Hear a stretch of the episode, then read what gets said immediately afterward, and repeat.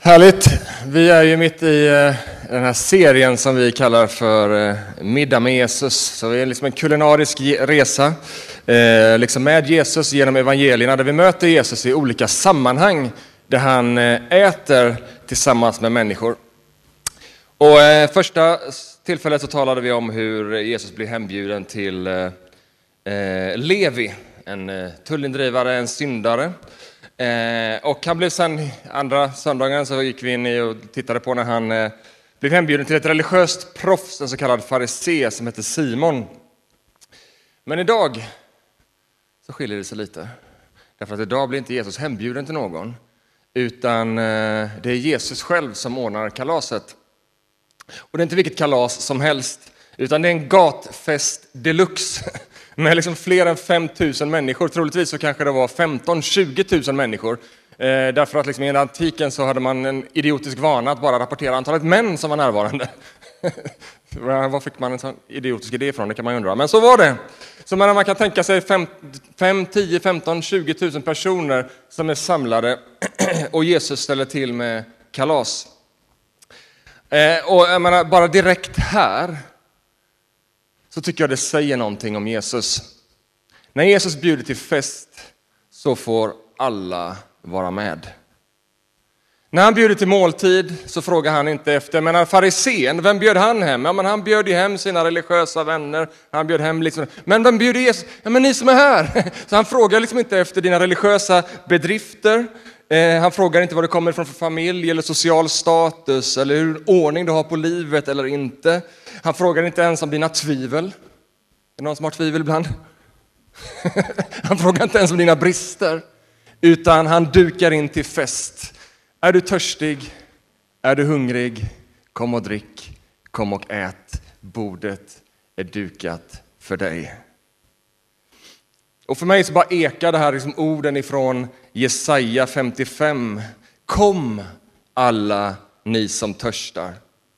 Kom hit och få vatten. Ja, kom även om ni inte har pengar.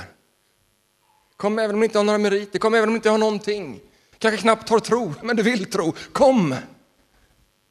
Förse er med säd så att ni får äta. Kom och få säd utan pengar, vin och mjölk utan att betala. Lyssna till mig så får ni äta gott och njuta av feta rätter. Kom till mig och hör noga på, lyssna så får ni liv. Och sen så ekar Jesus de här orden igen i evangelierna. Om någon är törstig, kom till mig.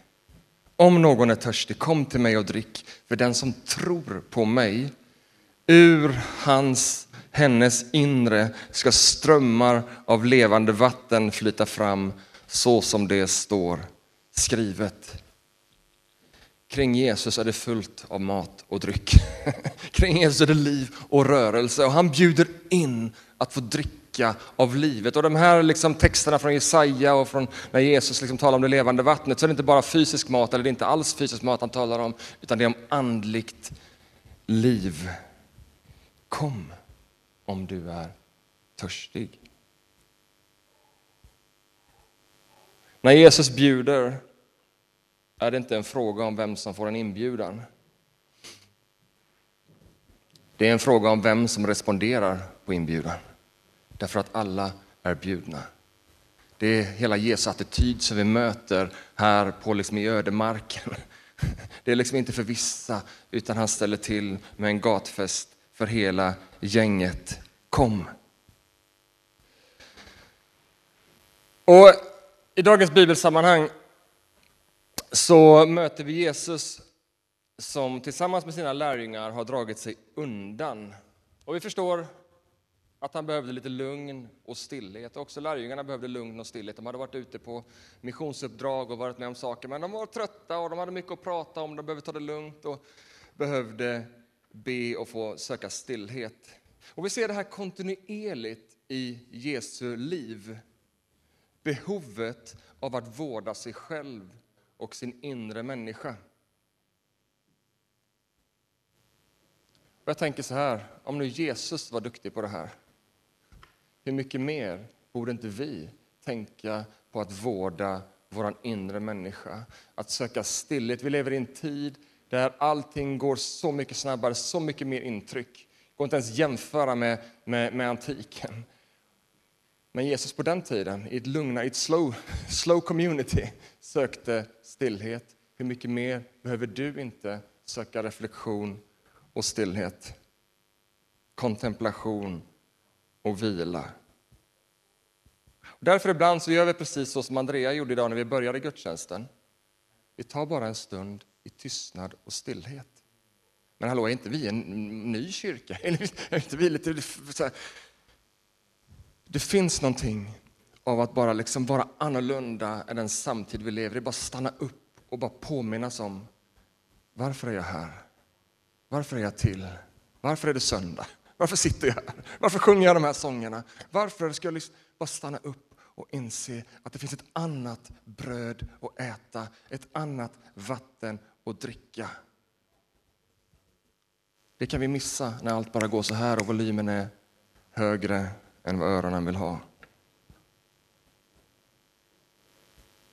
Men så stiger de i land och vi vet alla vad som händer. Den där stillheten fick vänta, lugnet fick vänta, ryktet hade spridit sig, folket hade tagit sig dit. Så de hade promenerat troligtvis de här 9,6 kilometrarna tror jag det var från närmsta större staden där de kom ifrån, läste jag i någon kommentar. De har promenerat dit, de har sökt sig dit. Det fanns en hunger efter Jesus. Men vart är han på väg? Han har dragit iväg med, liksom med båten till andra sidan sjön. Då går vi dit. Så det fanns en hunger efter Jesus, efter hans närhet, efter hans undervisning, men också efter den kraft som han var bärare av. För Guds rike består inte bara i ord, utan också i kraft. Trots att Jesus dragit sig undan för att söka stillhet så sträcker sig hans hjärta ut till folket. Och det står i Markus 6 som beskriver samma ställ, bibelställe, så står det när Jesus steg ur båten och fick se allt folk som hade samlats så hände någonting direkt i hans hjärta. Han kände medlidande med dem. Jesu hjärta är inte oberört. Jesus var inte bara på ett uppdrag, liksom på kommando, helt liksom känslolöst. Hela hans varelse var engagerad. Gud är engagerad när det kommer till människor. Gud är engagerad när det kommer till dig. Därför så väcks hans hjärta, någonting i hans hjärta, medlidande, för de var som får utan herde. Och så kommer den härliga avslutningen som jag brukar luta mig tillbaka emot efter varje predikan, att han undervisade dem länge. Idag ska vi ha lite församlingsforum efteråt, så jag har förberett ett kortare utkast. Så idag kanske det blir lite kortare, men det brukar annars vara mitt problem. Men jag, har, jag är i gott sällskap, han undervisade dem länge. Och då kan man tänka, Jesus har dragit sig undan för att söka stillhet, men han fick någonting helt annat. Och vad jag vill säga här, det här är inte en text eller textsammanhang som förringar behovet av vila. Men det är en text som säger någonting om vem Gud är. En text som säger väldigt mycket om vem och hur Gud är. Så ja, vi ska söka vila. Ja, vi kanske ibland måste säga nej, även om folk står och knackar på dörren. Men det är inte poängen i den här texten. Poängen är, ja, du behöver vila, du behöver dra dig undan. Men så finns det en till poäng, och den poängen handlar inte om dig, utan den handlar om Gud. Därför att det, detta säger så mycket om vem Gud är. Du kan ha blivit bortvisad i livet. Du kan ha blivit bortprioriterad och bortglömd. Men Jesus, genom sitt sätt att agera, visar att Gud aldrig kommer att visa bort någon som kommer till honom. Är det någon som var beredd att bränna ut sig för människans skull så var det bokstavligen Jesus Kristus. Du behöver inte det. Därför att han brände ut sig totalt när han gav sitt liv utifrån kärlek till varje människa. Låt oss aldrig glömma det. Du är aldrig bortprioriterad, bortglömd eller ointressant för Gud. Du är alltid i fokus av hans uppmärksamhet och intresse så läser vi att Jesus talade med folket länge. Vad var det han talade med folket länge om? Jo, han talade om Guds rike.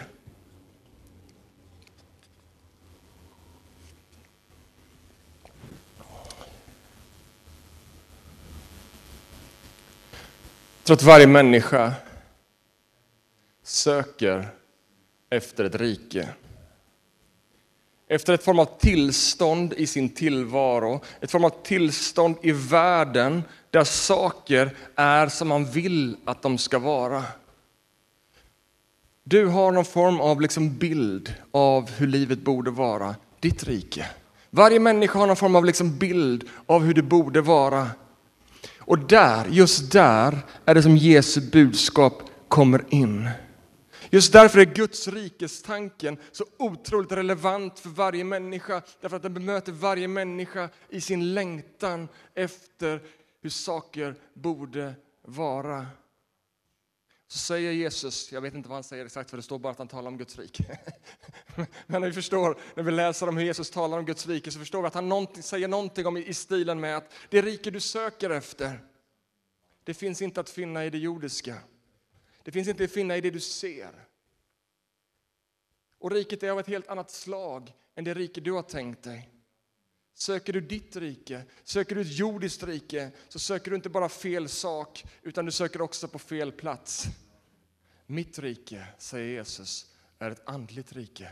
Ja, det är mitt ibland er. Var då någonstans? Det är mitt ibland er. Det är av ett annat slag. Det blir som ett litet frö i dig, det börjar växa av liv på din insida. Det är någonting annat som händer i dig. Du har tänkt dig livet på ett visst sätt. Men i mötet med mig så planterar jag ner någonting annat i ditt hjärta. Frid med Gud. En frid i din själ som skapar också frid runt omkring dig. Som utarbetas genom dig. Det planteras i dig, men det utarbetas genom dig. Och sen står det, lite i förbifarten,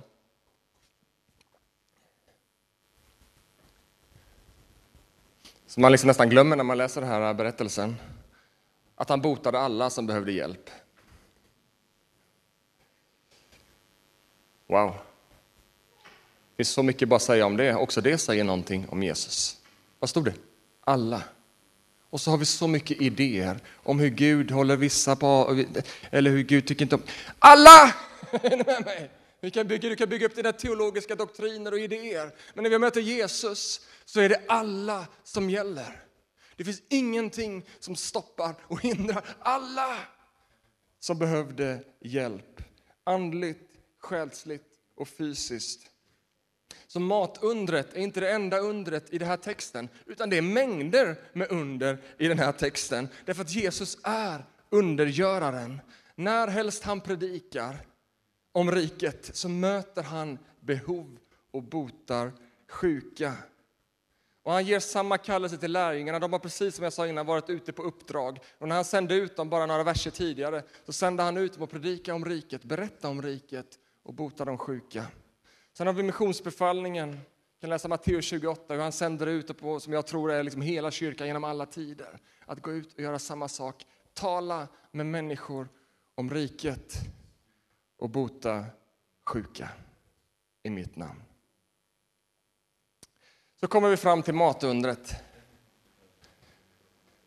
Och det finns ett tillfälle till där han gör ett liknande matunder. Då var det 4 000 män samlade. Sen har vi vinundret som också är ett form av matunder. Men här är liksom matundret det stora med 5, 15, 20 000 människor. Och det som är speciellt med det här sammanhang, det är att det är den enda undret av den här typen av mirakelkaraktär. Man kan tala om uppståndelsen och sådana saker som ett under också, men det enda undret som Jesus gör på det här sättet, som återges i alla fyra evangelierna, det här är ett under som är viktigt och var viktigt för den tidiga kyrkan. Så det är ett under som återberättas i alla fyra evangelierna samstämmigt. Och det är ett av de mest väldokumenterade miraklerna som finns, också historiskt. Alltså vi snackar om 5, 10, 15, 20 000 människor som ser framför sina egna ögon Jesus göra detta under. Så när apostlarna talade om det här så kunde så många tusentals människor ha diskvalificerat deras berättelse. Men snacka om att det finns överväldigande bevis. Så det som sker här i texten är ett uppenbart mirakel. Det finns inga logiskt hållbara naturliga förklaringar. Försök har gjorts, men det finns inga logiskt hållbara förklaringar som håller. Så för lärjungarna och de tusentals som var samlade så utförde Jesus ett under, ett mirakel mitt framför deras ögon. Och mirakler sker, stora som små. Och eh, vi kan se Guds hand verksam i små händelser, i vardagen där vi möter hans omsorg, vi kan se det i stora händelser. Det är inte lika vanligt med den här typen av mirakler, men för Gud är allting möjligt. Men vi kan se de här små sakerna. Jag har varit med om saker de senaste veckorna jag kommer från en, jag kan vara ärlig, jag kommer från en säsong av ganska mycket torka i mitt andliga liv. Men sista två veckorna, och inte minst när jag och Alex har träffats och bett tillsammans, vilket vi gör ibland, och det är en sån glädje när jag får ett sms-pling. Hej, vill du träffas och be? Ja, det vill jag. Och när man ber, det händer saker. Och bara de sista, sista veckorna så har vi sett saker när vi ber som bara helt mirakulöst inträffat. Ja, det finns ingen naturlig förklaring. Så Gud gör de där sakerna. Och eh, när det gäller mirakler så eh, Wayne Grudem, han är en, en, en väldigt känd teolog, han säger att ett sånt här mirakel är en mindre vanlig sorts aktivitet från Gud där han väcker människans förundran och beundran och miraklet bär vittnesbörd om vem han är. Ja, mindre vanligt, ja, det kan vi väl hålla med om, att den här typen av supermirakel är liksom utanför det ordinära. Men det händer för att väcka vår förundran och beundran och bära vittnesbörd om vem Gud är. Och jag tror det går igen för varenda mirakel, varenda liten liksom påhälsning från Gud. Max Turner, en annan teolog, säger om mirakler att det är en direkt handling av Gud, ofta med ett symboliskt värde och det är bärare av, ofta bärare av ett tecken. Och när jag läste läst den här texten om matundret, först tänkte jag vad ska jag säga om det här? Vad finns det att säga? Men så var det som liksom tre saker poppade ut ur texten, tre pekare som berörde mig. Tre verkligheter som matundret pekar på, som alla väcker både förundran och beundran och som bär vittnesbörd om vem han är. Och så vill jag säga att den här texten är inte där för att vi bara ska få liksom såna här olika pekar, utan det här är ett under i sig. Jesu hjärta gick ut till de här människorna, de behövde mat, så han gjorde ett under. Men när Jesus gör någonting så finns det ofta lager efter lager att upptäcka. Så först ut, det här är en måltid som pekar bakåt. Det står att Matteus och Marcus, I Matteus och Markus står det att de drog sig undan till en öde plats, ut i ödemarken. Så kommer de till Jesus. Här är 5 000 män plus kvinnor och barn, mitt ute i ödemarken. Här finns inga food trucks, inte ens ett större samhälle. Det finns inget, inget samhälle i närheten som på något sätt kan lösa mat till så här många människor. Resan den är lång. Herre, vi måste sända iväg dem så att de kan sprida ut sig. Och liksom, kanske om alla går till olika gårdar och olika byar så kanske det går att lösa. Ge dem ni att äta, svarar Jesus. Okej, okay, vad är det du inte förstår Jesus? Vad är det du inte fattar? Vi har två fiskar, vi har fem bröd, det liksom finns ingenstans att få tag och de säger lite ironiskt, ja, ska vi gå och handla mat? ja, var skulle de gå och handla mat? Över 1500 år tidigare så utspelar sig en liknande berättelse. Folket har lämnat Egypten på väg mot löfteslandet. Vi läser om det i Andra Mosebok 16. Folket kommer till Mose och Aron. Ni har fört oss ut i vad då? Ödemarken. Vi är här ute i ödemarken och vi har inget att äta. Tacka vet jag Egypten med fläskiga grytor och allt vad det har för någonting och vin. Vi har inget att äta. Då talar Gud till Mose. Säg till dem, i skymningen ikväll ska ni få kött och imorgon ska ni mättas av bröd och då ska ni förstå att jag är Herren, er Gud. Troligtvis var det inte så många som satt där på ängen som tänkte liksom den här direkt liksom när de såg det här framför sig att ja, men det här har ju paralleller med, med Exodus och hur, hur liksom det här. Men för varenda jude så kunde du väcka dem mitt i natten och de kunde berätta Exodus-storyn, uttåget ur Egypten, i detalj, varenda liten prick. Det var levande för dem. Jag är helt övertygad om att när de sen gick hem dagen efter ifrån den här platsen så samtalade de alla om, men hallå, vad är det som har hänt? Kommer vi ihåg vem det var som försedde med mat i ödemarken för 1600 år sedan?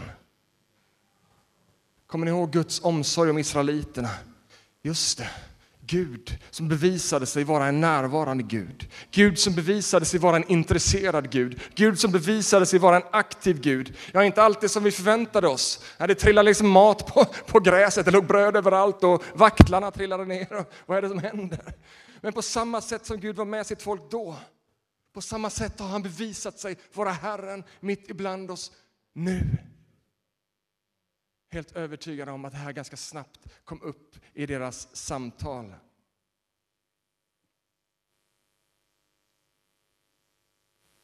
Och de kom också ihåg vad som stod i texten. Därför att då ska de förstå att jag är Herren, er Gud.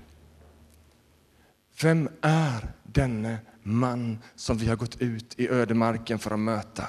Vem är denne man som inte bara botar sjuka utan som också kan förvandla fem bröd och två fiskar till bankettmåltid för en hel mindre stad? Herren som gav oss mat i öknen, kan det vara han som har kommit mitt ibland oss? Matundret, det är ett under i sig, men det är också en pekare bakåt för att ge djupare förståelse och mening. Men det är också en måltid som pekar framåt, framåt för dig och däråt. Medan du tänker på det så dricker jag vatten. Det är en måltid som pekar bakåt och pekar framåt. Gud försåg Israels folk med mat i öknen under 40 år i väntan på löfteslandet. 40 år.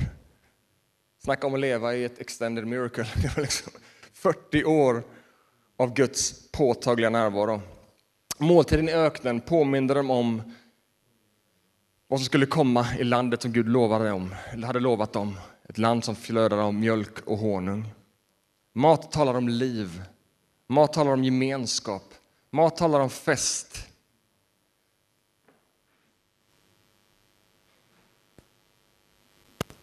I Jesaja 25 så profeteras det om en himmelsk bankett som ligger framför. Där det står i Jesaja 25, en festmåltid för alla folk med överflöd av mat och vin av bästa sort. Hela det judiska folket levde med en messiansk förväntan om att en dag skulle de få fira i Guds nya rike.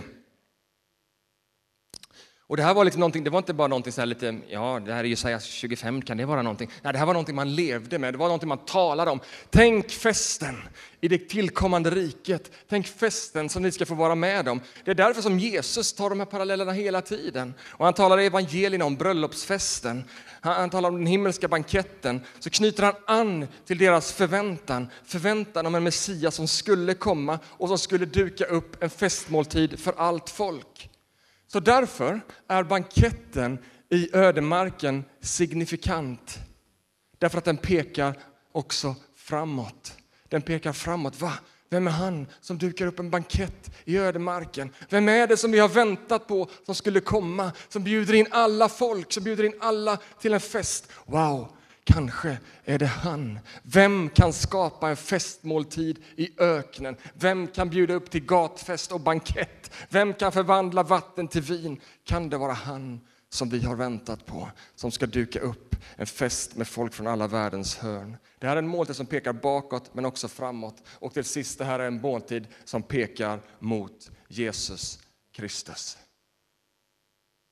Jesus säger när han instiftar nattvarden jag säger er att från och med nu ska jag inte dricka av det som vinstocken ger förrän jag dricker av det nya vinet med er i min faders rike. Nattvarden pekar bakåt mot uttåget ur Egypten, befrielsen från syndens slaveri. Men nattvarden pekar också framåt.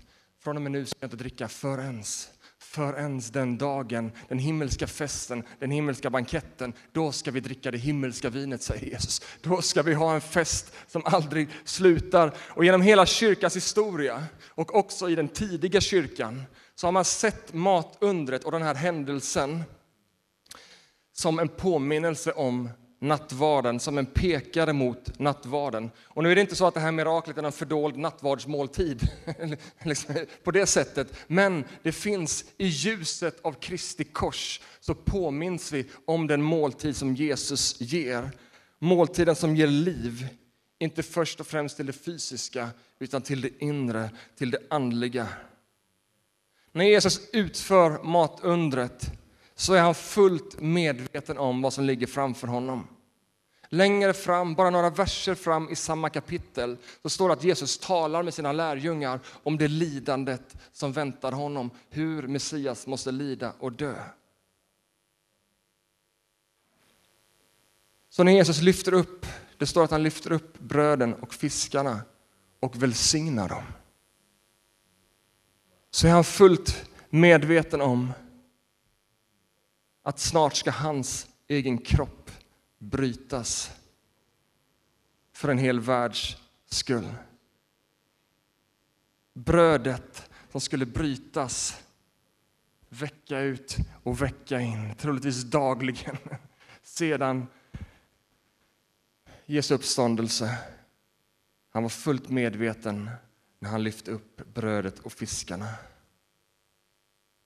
kalken som skulle skiftas mellan trossyskon genom alla tider för att påminna våra hjärtan om att vi varken är bortglömda, bortprioriterade eller bortvisade utan att vi är funna dyrbara, älskade och välkomnade in i hans rike. Matundret är en måltid som pekar mot Jesus, som säger så mycket om vem han är.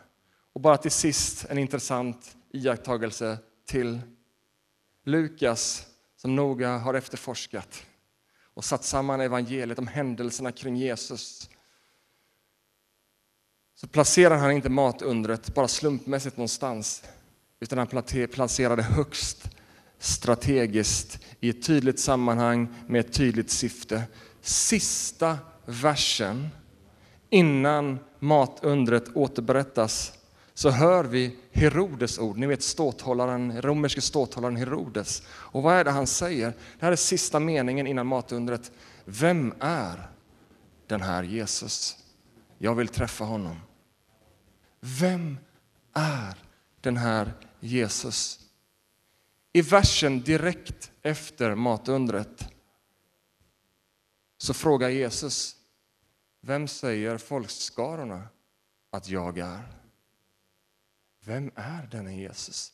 Vem säger folkskarorna att jag är? Och sen så riktar han frågan lite mer specifikt. Ni lärjungar, vem säger ni att jag är?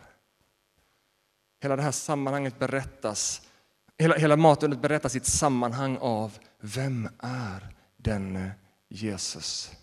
Undret finns där för att peka mot en större verklighet. Precis som de här teologerna som jag citerade. Att undren finns ofta där som ett tecken som pekar mot en större verklighet. Vem är denne Jesus? Måltiden, undret i ödemarken pekar mot Jesus och vem han är. Vem kunde förse med manna i öknen? Vem kan bjuda upp till bankett i Guds rike? Vem kan mätta tusentals med fem bröd och två fiskar och få rester över som är mer än vad de hade från början? Det är mer, de hade fem bröd och två eh, fiskar var det va? Just det. Och så fick de tolv korgar över, så det var mer över. Vem är denne mannen? Vem säger ni att jag är?